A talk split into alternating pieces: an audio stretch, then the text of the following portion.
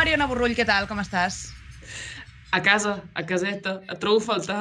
Adriana. Sí, és veritat. Aquí, aquí. Per la gent que ens estigueu veient o escoltant, benvinguts i benvingudes a un nou episodi de Sopa de Miso. Avui, com que a la Mariona i a mi ens agraden molt els reptes, eh, es podria dir que ens agraden molt els reptes, el repte Ah. d'aquesta setmana ha sigut troba una estona per gravar a plató. Com podeu veure, el repte ha sigut nefast, no hem pogut trobar una estona i estem gravant a través de Skype eh, com si tornéssim a estar al 2020. Som manera. millors fracassant. Vull dir, el Sí. meu gran èxit a la vida és fracassar constantment, que això sembla que no, però costa, costa. Um, literalment. Jo avui també porto una setmana de gossos, que es diria així com... Eh, no, traduït malament al castellà, al català. Llavors, eh, bé, eh, farem el que podrem amb aquest capítol, però tot i així tinc moltes ganes de, de mm, parlar avui amb, amb tu i, amb, i que ens escolti la gent, perquè el tema és un tema que a mi ja feia temps que em venia de gust parlar-ne, ja ho havíem dit més d'una vegada, i, i per tant et deixaré primer a tu la paraula i després anirem amb algunes recomanacions sobre aquest tema, perquè avui parlem ni més ni menys que del gènere furry, o furro, o los furries, o digue-li com vulguis. Aquestes efecte. coses antropo antropomòrfiques que ens agraden tant. És que tu ho has dit, eh, una setmana de gossos, mai més he dit, vull dir. Literalment. Literal, literal. M'estava preparant ja pel, pel capítol, saps?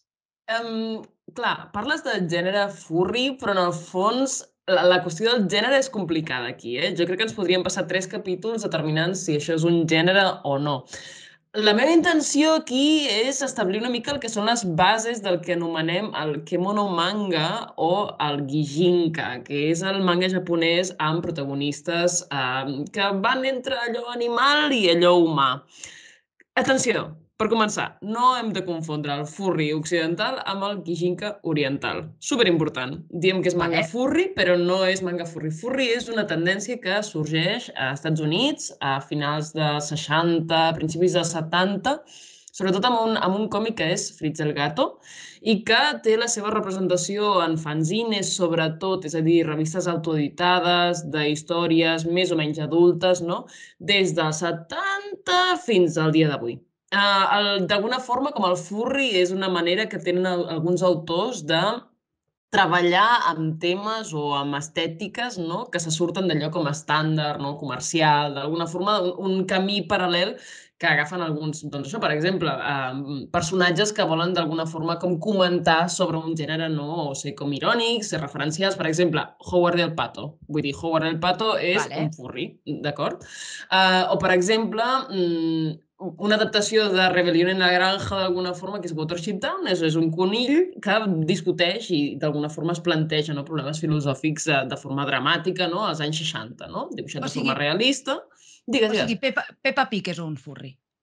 Sí, sí. De fet, un dels punts essencials de l'estètica furry és que no tenen per què tenir pèl. Vull dir, habitualment tenen pèl, però almenys en el que és, i això jo domino més el cànon japonès que occidental, no? no tenen per, eh, per què tenir pèl. Poden ser també peixos, eh, etc, etc, etc. El Mhm. fandom furry a, a Estats Units es consolida a partir dels anys 80, quan es comencen a fer com convencions i trobades no? de gent que ha seguit aquests fanzines no? i que té ganes de trobar-se no? i de conèixer I, de fet, Wikipedia diu que la paraula furry sorgeix l'any 83 en una conferència sobre el Bido, que era un, un còmic de fantasia protagonitzat Mhm. per un, crec que era un conillet o alguna cosa per l'estil.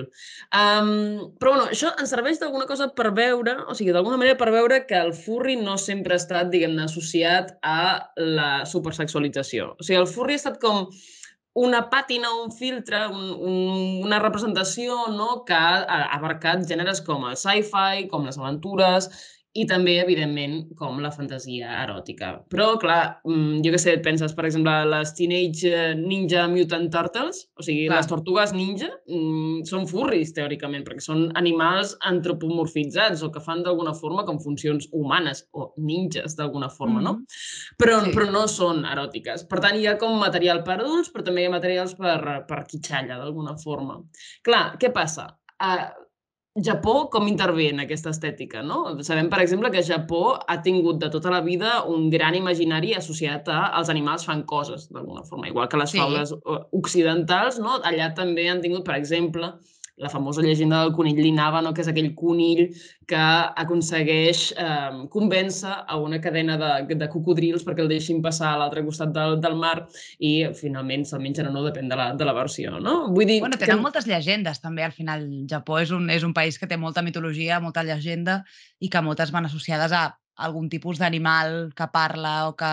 No? Sí, I, i, i, i jo, et pregunto, jo et pregunto, un capa és un furri? Un capa? Un capa, un capa, un capa, un senyor verd, granota, cap de nenúfer... Sí, jo... és no una sé. cosa estranya, no? Seria com, com ja portar el furri a l'extrem, no? De dir, bueno, ets una Furries. planta, ets un animal, què ets? ets un humà, què ets, no? En plan, una mica, què coi ets tu? Total. No sé, no et sabria dir, eh? És, una, és un llindar així bastant xulo, realment. Ah, potser podem, podem animar la gent que ens escolti a que ens ajudin a dir si un capa és un furri o no. uh, en tot cas, sabem que hi ha aquesta contradició molt ben regada no? d'animals que fan coses, no? Però com és que, o sigui, com arrela, diguem-ne, el fenomen furri a la cultura moe, a la cultura manga? Jo crec que arrela, per començar, perquè eh, els furris són animalets, els animalets són monos i allò mono enganxa, així de clar. Vull dir, és tan senzill com això. No està estudiat a fons. Vull dir, jo no he trobat ninguna, o sigui, cap font que, que em digui ei, això és a partir de l'any tal o qual o pasqual, però jo et diria, mm, els animals triomfen perquè els animals són moníssims, estupendos i ens convencen que, que això, que es poden fer, diguem autèntiques fantasies, no? Amb, Totalment. Amb éssers que són més monos que, que un ésser humà. I això li diem al creador d'Attack on Titan, preferim que dibuixis animals abans que cares humanes. I ja està, ja ho hem dit. Um, passa que, clar... és, és. Exacte. Passa que a Japó els agrada molt determinar i categoritzar no, tot plegat. Tot el que sigui el món manga els encanta com posar-ho en capsetes. No? Per tant, a més de ser un filtre com estètic i funcional, d'alguna forma, a Japó han catalogat el món furri d'una forma com super estandarditzada i super com acadèmica, gairebé diria. Per exemple, és molt diferent un manga mm, gijinki, d'alguna forma, mm -hmm. uh, perdó, gijinka, uh, que tingui un protagonista animal que fa coses d'humà o un protagonista humà que té característiques d'animals. Per exemple, si es, si es comporta com un humà eh, que té característiques d'animals, se'n diu que és un antro, antro de, vale. antropomòrfic d'alguna forma. Vale. Si no, és un kemono, que és una bèstia. Um, una bèstia? Llavors, una bèstia. Si, per exemple, té orelles de bèstia, se'n diu que és un kemono mimi, vull dir, que té orelles, literalment, d'animal, com Inuyasha, vale. per exemple. Um, si, per exemple, és un ésser antropomòrfic que representa una altra cosa, se n'hi diu que és un Jingai Musume, eh, que seria com, un, com una espècie de noieta no humana, d'alguna manera, no? Penso, per exemple, tu recordes aquella sèrie que es deia Kantai Collection, que, que venia, diguem-ne, d'un joc internet, on hi havia una col·lecció de noies tanc que representaven justament el, diguem els peons de joc del, del joc a internet i que s'ha fet superfamosa perquè era literalment un grup de noies que són tancs amb cos de noia i que fan doncs, coses de tanc. Doncs no em sona a mi això. Meravellós. Uh, si no et sona aquest, potser no et sonarà tampoc una, una sèrie que es deia Miracle Train, de fa anys ja, on una sèrie de nois solucionaven problemes de noies insegures, o senyores insegures, no, que pujaven a la seva estació. No? I llavors els nois representaven humanament estacions de tren. Per què no? Vull dir, un noi Mare estació de tren. Mare de Déu, senyor. O, per Això exemple... també es pot considerar furri, eh? Vull dir, coses antropomòrfiques que realment no són animals, vull dir... Bueno, clar, clar, Aquí total. tens l'estació de Plaça Catalunya, no? Plaça Catalunya. I què et surt? plan un, un noi amb un colom al, al braç o, o què? Bona idea. Um, però jo què sé, per exemple, abans la, a l'Adriana li passava la noia panerola de, de Goquitxa, que és un... Ai, sí, quin fàstic. que era meravellós. Però bueno, la cosa és que el, el món de, de la, dels còmics autopublicats, els dojin, no? doshinjis, um, abunden aquest tipus de personatges, sobretot perquè això, perquè és com dona la possibilitat de rellegir no? uh, cànons que ja estan com molt trillats no? i gèneres que ja estan com molt cultivats des d'una perspectiva diferent. I jo crec mm. que això mola molt. Té les seves vessants, diguem, de negatives, evidentment. Uh, per exemple, és molt famós el cas de tota la sèrie d'imatges uh, antropomòrfiques o de personatges antropomòrfics no, que han utilitzat grups per difondre mm, missatges mm, negatius. Per exemple, l'ISIS utilitzava Isis Chan, que era una noia, uh, bueno, una, un, literalment una noia moe cute, que te mueres, per redirigir a gent uh, a través de les imatges a doncs això, continguts que eren propagandístics, extremistes, etc etc. no? Això es va combatre durant uns anys a internet Um, I sí, sí, sí, vull dir, s'ha utilitzat de forma que la gent pot com apropiar-se del material i fer-lo seu i d'alguna forma crear eh, contingut interessant, però alhora mm, també té aquesta vertant, com se'n diu això? Vessant? Vessant. Uh, negativa. Mm -hmm. A nivell d'història, mm, superbreument, del, del furry, no? Tenim furries japonesos des de fa la tira de temps a l'anime. Per exemple, tenim Kimba, uh, de Osamu Tezuka, al 66, que d'alguna forma es considera que és com l'origen de tot plegat, no? Aquesta història com del rei lleó, que de fet es diu que el rei lleó va, va, va plagiar a Kimba. Um, o tenim Robin Hood, del 72, que també és un gran furro original, d'alguna forma.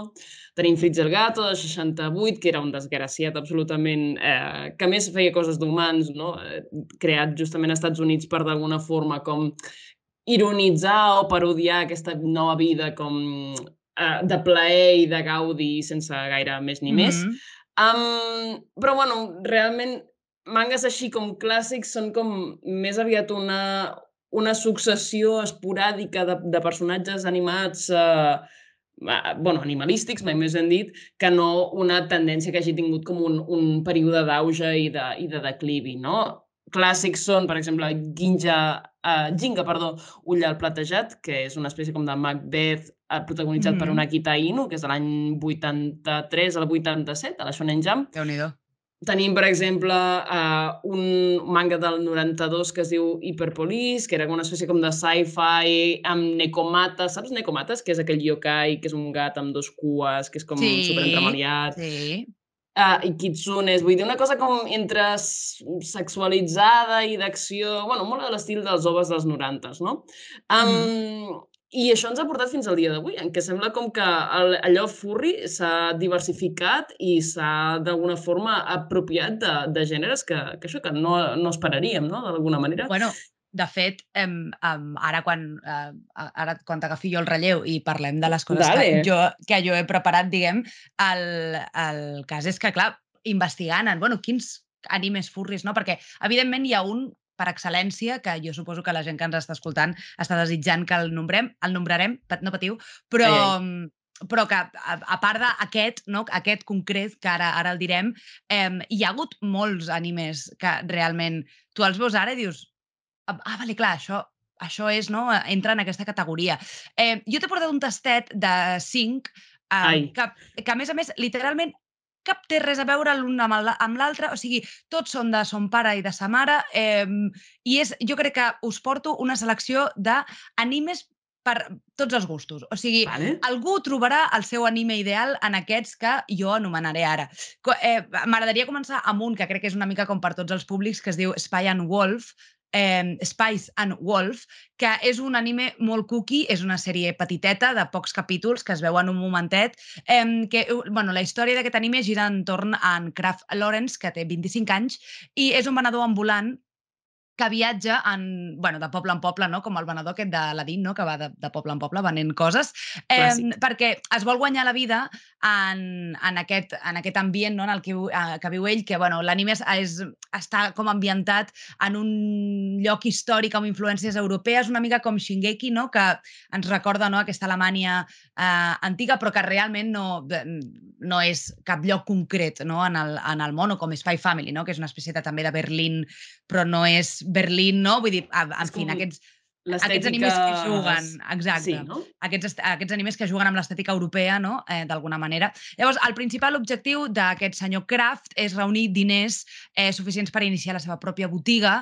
En Lawrence porta viatjant durant set anys eh, mentre adquireix experiència en el comerç per després obrir la botiga. O sigui, realment fa un networking xulo, aquest senyor.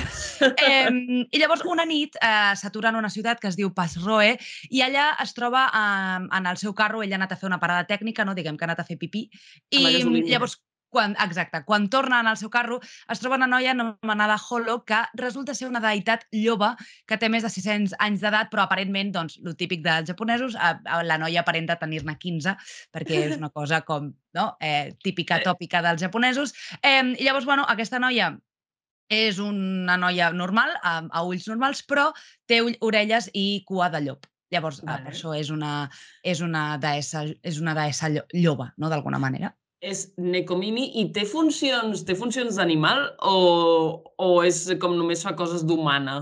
Fa coses d'humana, o sigui, ella Vale. el que fa és, um, o sigui, fa coses d'humana a través de la seva, del seu poder de deessa, llavors el que farà és que s'ajunta amb aquest senyor Lawrence i, i llavors doncs, uh, l'ajuda a viatjar pel món i a veure que el món ha canviat i a veure les coses Mm. bones de la humanitat, etc. Llavors és com un anime eh, molt soft, molt normalet, eh, molt per tots els públics i que trobo que és com també potser si hi ha algú que realment cregui, perquè realment jo crec que creieu que no heu vist mai res furri i penseu que és un fenomen molt estrany, però ara parlarem de que hi ha coses que no ens n'hem adonat i portem consumint coses furres des de que tenim eh, una mica de, de, de cap, no? de consciència de que estem veient eh, anime.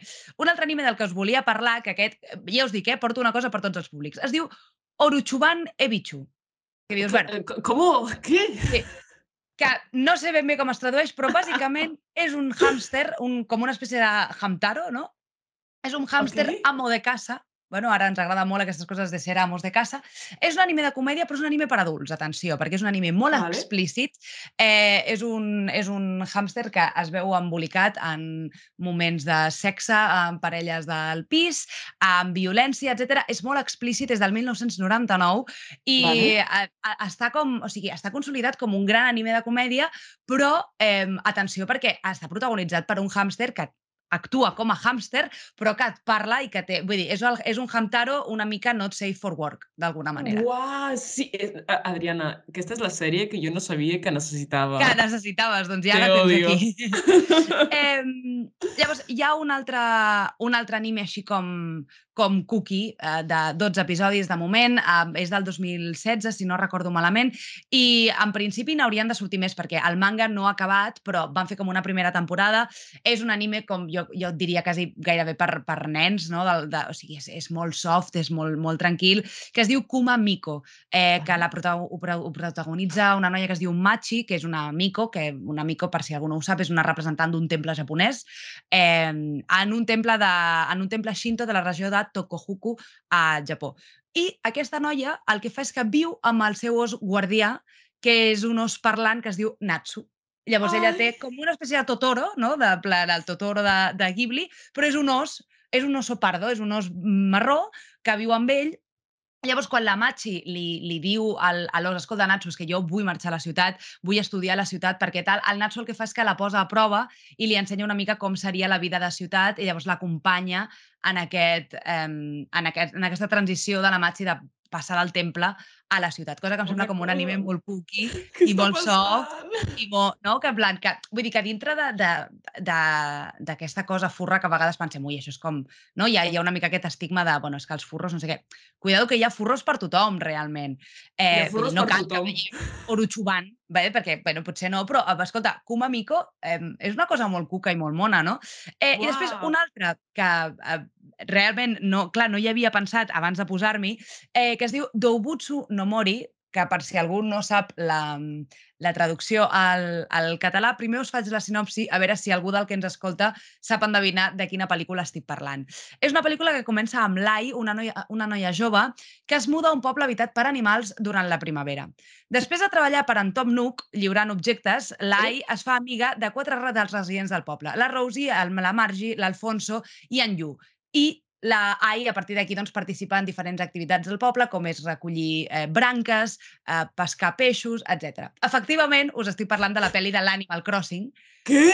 perquè es va fer una pel·li d'Animal Crossing, igual que s'han fet novel·les també, hi ha alguna novel·la de l'Animal Crossing, No hi me haurà novel·la de l'Animal Crossing. Recordem que l'Animal Crossing és el videojoc furro per excel·lència, vull dir, al final estàs entrant, eh, t'acabo de descobrir un món, però realment és una cosa que portem jugant tota la vida a la Nintendo DS i ara a la Nintendo Switch i realment és, una, és un videojoc furro, vull dir, estàs entrant, ets, tu ets l'única persona persona en aquella illa, tot l'altre són animals, o sigui, tu literalment et fas amiga d'una lloba, d'una granota, de... vull dir que realment és força graciós. I ho vaig Ja. pensar i vaig pensar, ostres, clar, eh, existeix la pel·lícula d'Animal Crossing, no? Realment, vull dir que és, molt, O és molt sigui, graciós. T'adoro per descobrir-me això, ara només vull veure-ho, així de clar. Ah, Buah, és que sí, gràcies, gràcies. De totes maneres, evidentment, si estem dedicant un, una, un episodi als animes furros, no ens podem oblidar i, evidentment, hem de parlar del que jo crec que és l'anime furro per excel·lència ara mateix, que és Beastars, eh, que és una, un anime original de Netflix eh, basat en un manga, evidentment, manga que podeu trobar a, a Norma Comics, que té ja com 17 o 18 volums, si no vaig malament. Eh, Beastars és una història, jo crec que és el, el o sigui, és la definició per excel·lència del que és un anime furro d'allò de, dels furris de tota la vida. O sigui, Beastars és una història que es desenvolupa en un món d'animals antropomòrfics amb una divisió cultural entre carnívors i herbívors, que això es nota fins i tot en els instituts. Vull dir, són animals que vesteixen, que, que un llop, en lloc de caminar quatre grapes, camina de peu com si fos una, com si fos una persona. De fet, el protagonista d'aquesta sèrie és en Legoshi, que és un gran llop gris. És un estudiant molt tímid, molt tranquil, que no sembla realment realment un llop, eh, de l'Acadèmia Cherrington, eh, on viuen diferents estudiants carnívors, perquè les habitacions es divideixen per carnívors i herbívors, vale. i allà és molt amic d'un gos labrador, que és en Jack, que és molt maco en Jack, ens agrada molt en Jack a la sèrie. Eh, llavors, ell com a, com a membre de l'escola forma part del club de teatre, però no a la part d'actuació, sinó a la part de llums, d'escenografia, etc. Eh, llavors, la sèrie de pistes bàsicament comença quan a l'institut on, on va el Legoshi apareix mort a una alpaca que és en, en Tem, que l'assassinen brutalment Hòstia. i la devoren durant la nit. Llavors, eh, aquesta, aquest assassinat eh, crea una ona d'inquietud no, a l'institut i els herbívors comencen a desconfiar eh, molt fortament dels, dels carnívors perquè, clar, es senten insegurs, es veuen petits, es veuen indefensos i, i llavors en Legoshi, eh, que és un llop, que al final, clar, un llop en realitat en la natura, doncs, home, eh, no el cabregis, no?, perquè és un llop. Eh, dir, et pot arrencar les, les vísceres no? d'una queixalada. Llavors, el, el Legoshi, que és, un, és moníssim i ens encanta, és, és, una, és una cosa moníssima, es fa molt amiga amb la Haru, que és una conilleta del club d'arbologia, eh, que al final acaben passant coses coses entre ells perquè, bueno, al final eh, perquè poden, coses, poden ja sol, solventar no, aquestes coses. I llavors el seu, com, diguem, el seu nèmesis a l'institut és en Louis, que és un cèrvol vermell, que és com el típic guapot, no? Llavors, eh, tal.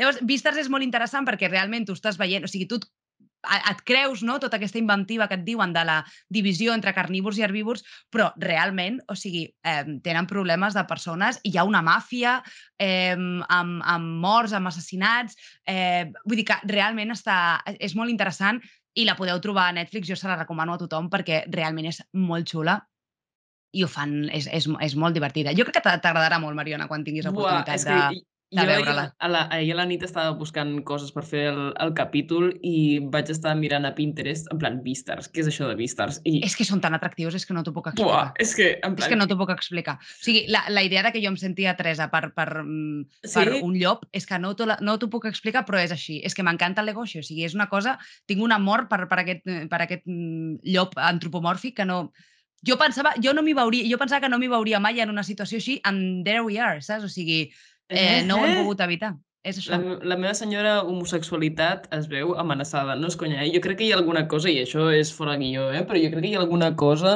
de realment transgressor en, en plan, no ve de com de definir si estàs davant d'un tio o d'una tia, eh? De, és meravellós. Com aquest. És I em sembla com molt alliberador.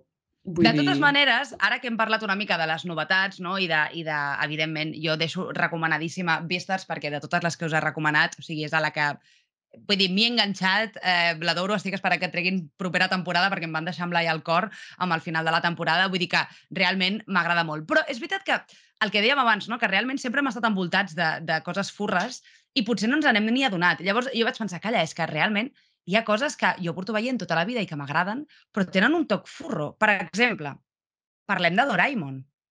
Ja. Yeah. Doraemon és un gat. Sempre diuen això, però ell sempre diu, no, sóc un gat còsmic. Vale, però és un gat. Vull dir, és un gat, és un robot, vale, però és un gat. O sigui, cuidado, no? I, i, i qui no adora a Doraemon, no? D'alguna manera. bueno, a vegades és problemàtic aquest senyor. Però, mm, vull dir, realment, els dibuixos de la meva infància amb els que jo m'he criat, Doraemon oh, és un gat còsmic, és el furro de, de, de referència a Catalunya. És com, eh, és, és això que té el, el manga i l'anime, en conseqüència, no? De, de ser capaç com de rarificar el, la figura humana fins a extrems de crear monstres com el Suneo, per exemple, que jo cada Mhm. vegada que miro al mirall i em veig com malament, dic, "Uah, és que sembla un Suneo, saps? Vull dir, um, doncs això, crear com autèntics monstres humans d'alguna forma, però alhora com fer que siguem capaços de, de no diria empatitzar, però sí com de parlar directament i mirar cara a cara a un bitxo que és una bola blava, així de clar. Clar. Però també no oblidem que, per exemple, a Sakura, la caçadora de cartes, sense anar més lluny, ella anava amb una espècie de coseta petita que, El quero, el quero, quero. que el Quero era moníssim, que l'adorem tots, però era una espècie de, de gat que quan es transformava era un lleó. O sigui, Ja, Ojo, eh? En plan, Ja. I a mi m'agradava molt, però realment són d'aquestes coses com que ho hem normalitzat no? des de petits que, que els animals ens parlen. Keroro eren granotes especials, però eren granotes, no? I qui no se sabia la cançó de Keroro? O sigui, realment... Eh... I De després fet- hi ha un anime que no sé Sí, si sí. tu el, bueno, no sé si alguna vegada n'hem parlat, que a mi m'agradava molt, que potser ara obro una caixa aquí, que era la llei de Weki, que a mi m'agradava moltíssim la llei de Weki. sí, Era molt n'hem guai. parlat. Sí, l'acompanyant d'en Weki era en Tenko, que en Tenko era una criatura mitològica o mística o tal, però que en realitat era un gat, també. O sigui, era un gat i quan, eh, quan es transformava en una espècie de dragó gegant, amb pèl... No, era una cosa molt rara. A mi el Tenko m'encantava, però realment era una mica furro, també. Ja, ja. Tinc la sensació que això ens obliga com a revisitar-nos i a veure quins són els nostres límits de tolerància, no? Com a, com a otakus. Otakus, no? Efectivament. Eh, En efecte. De totes maneres, crec que abans l'has dit com molt per sobre i he fet com que no l'escoltava perquè pensava, ai, això era del que jo volia parlar al final. Jo crec Ai. que el nostre furro per, referen per deferència a Catalunya, eh, furro de, de... Vaja, és que mm, qui no ha vist algun cop Inuyasha En i ha dit, efecte. aquest és el meu furro, aquest és el senyor que, que a mi m'agrada, ens agrada el seu germà també, però, mm, però em, Inuyasha és el nostre gos per excel·lència a Catalunya i vull dir, trobo que tota Catalunya s'ha s'ha, mm, s'ha vist en algun moment no, enamorada per, per aquest mig, mig dimoni, mig humà, que és un gat, que no... Però bueno, És Ranma com- també, vull dir, hola, era un panda, també, vull dir, Sí, sí, total. I jo crec que és interessant de, com, de la síntesi entre el que has dit tu i el que he dit jo, veure com en tota la història del manga i de l'anime, vull dir, hem anat mantenint aquests, aquests com dos pols, no? O sigui, el quero petit Mhm. i el quero gran, d'alguna forma. El, el furro, doncs això, antropomòrfic, humanitzat, el furro que ens serveix per parlar o per d'alguna forma com allunyar el, el, la, persona que estem dibuixant dins, no, dins un manga o que estem veient en un anime, no? Allunyar-lo de forma que el puguem doncs, contemplar amb desig, d'alguna manera, no? com per exemple Vistars, o, o perquè el puguem doncs, això reflexionar sobre algun tipus d'estat del gènere, per exemple, pe- penso per exemple en el, en el manga aquest de, de les noies tanc, no? és com un, bueno, és, és un comentari, per molt que la sèrie pugui estar millor o pitjor, eh? vull dir, per molt que pugui ser vàcua com ella sola, però mm, en el fons és un comentari sobre les dinàmiques de, de, de guerra, no? Que sí, que és veritat que és completament super, superflu i no, i no aporta res i estem potser com encombrant coses que no hauríem d'encombrar, però bueno, és una revisió igualment. Mhm. Um, I d'altra banda tenim doncs, les mascots, no? Eh, aquesta com tendència tan japonesa de les mascots no? que ens permeten doncs, això, doncs, treballar amb Doraemons, amb Keros i amb, amb animals que de fet part del seu encant, part de, part de l'encant del Quero és que és completament adult, que és completament, eh, com se'n diria això, cregut, eh, Ai, que és sí. completament com allunyat del que esperaríem d'un osset de peluix, no? I el, i, el, bueno, i el Doraemon una cosa és un, és un vell, vull dir, és un home vell disfressat en el cos d'un- d'una cosa I com de blava. creepy és això realment, saps? Vull dir, cuidado. Gràcies. Que, sí. clar. Còsmic, Sí, sí. és molt còsmic. Sí, sí, és, és estrany. Però bueno, trobo que, que al final hem fet un bon repàs del que és el, la tendència furra i, de, i els animes eh, furris. Eh, ja m'està sonant rara la paraula de tants cops que l'hem dit. Guijinqui, en aquest, en aquest capítol. Eh, però, però bueno, escolta, espero que algú s'hagi pogut apuntar alguna suggerència o hagi mm, obert una mica els ulls en què realment parlem de, de fenomen furro i ara sembla que és com de, uh, no, la gent que els agraden les coses antropomorfes. Bueno, nen, eh, a tu t'agradava Inuyasha i ningú et deia res, no? Vull dir que Ara. no passa absolutament res. O sigui, tots eh, portem, portem consumint coses furres tant en, en animació japonesa com americana. Vull dir, Gatigós també era una cosa furra. I no passa res, i ens encantava Gatigós, eh? Era Adriana, divertidíssim. o sea, una cosa, segona temporada, és que, clar, és que aquí si posem, a- ens posem a parlar de coses, eh, mm, vull dir, no obrim el calaix de Disney, que al final portem consumint coses em, d'animals que parlen tota la vida. Per tant, que no ens soni tan estrany que hi hagi animes en el que hi hagi un gos que mm, aixequi a, a, a caminar com si fos un home. Vull dir que no Yes. passa res. És un, és un contingut xulíssim, igual que qualsevol altre. I aquest és la meva després- sentència final. Meravellós. Jo faig un petit apunt final. Um, si els furros ens permeten per expressar les històries que volem i si els furros ens permeten crear doshinji, no? Man ma manga autopublicat, i ens permeten tenir fantasies sexuals que siguin una miqueta diferents, una miqueta diverses, que ens permetin imaginar el que volem, benvinguts siguin. Vull dir, hola, mm, s'ha censurat tantíssim la, la fantasia femenina, s'ha censurat tantíssim, diguem-ne, la fantasia homoeròtica, que jo ara mateix, o sigui, és com un... Vols, vols tenir fantasies amb un cavall? Tinga-les. Tinga-les, exacte, que, que no passi res. Ja està, ah, la conclusió Doncs, feta. Doncs aquí, aquí mm, deixem les nostres sentències. Eh, espero que la setmana vinent ens puguem trobar a Plató, Mariona, perquè això de fer-ho per Skype és raríssim i a Eh, mi m'agrada eh, estar, estar allà amb... Allà, amb amb, fer-te de, de, de manera exacta, en plan... Eh, que això, que ens veiem la setmana vinent, eh, m'ha agradat molt aquest capítol, m'ho he passat molt bé. Sí. I, mm, I ja està, i d'aquí ben poquet doncs, eh, podrem anunciar-vos més coses, així que estigueu atents a les nostres xarxes socials. Ja sabeu que ens podeu escoltar i veure a Spotify, que això és una, una novetat xulíssima de Spotify, i que ens podeu seguir a TikTok i a, i a Twitter. O sigui que ens veiem la setmana vinent. Apassiau. Adeu! Taking over right.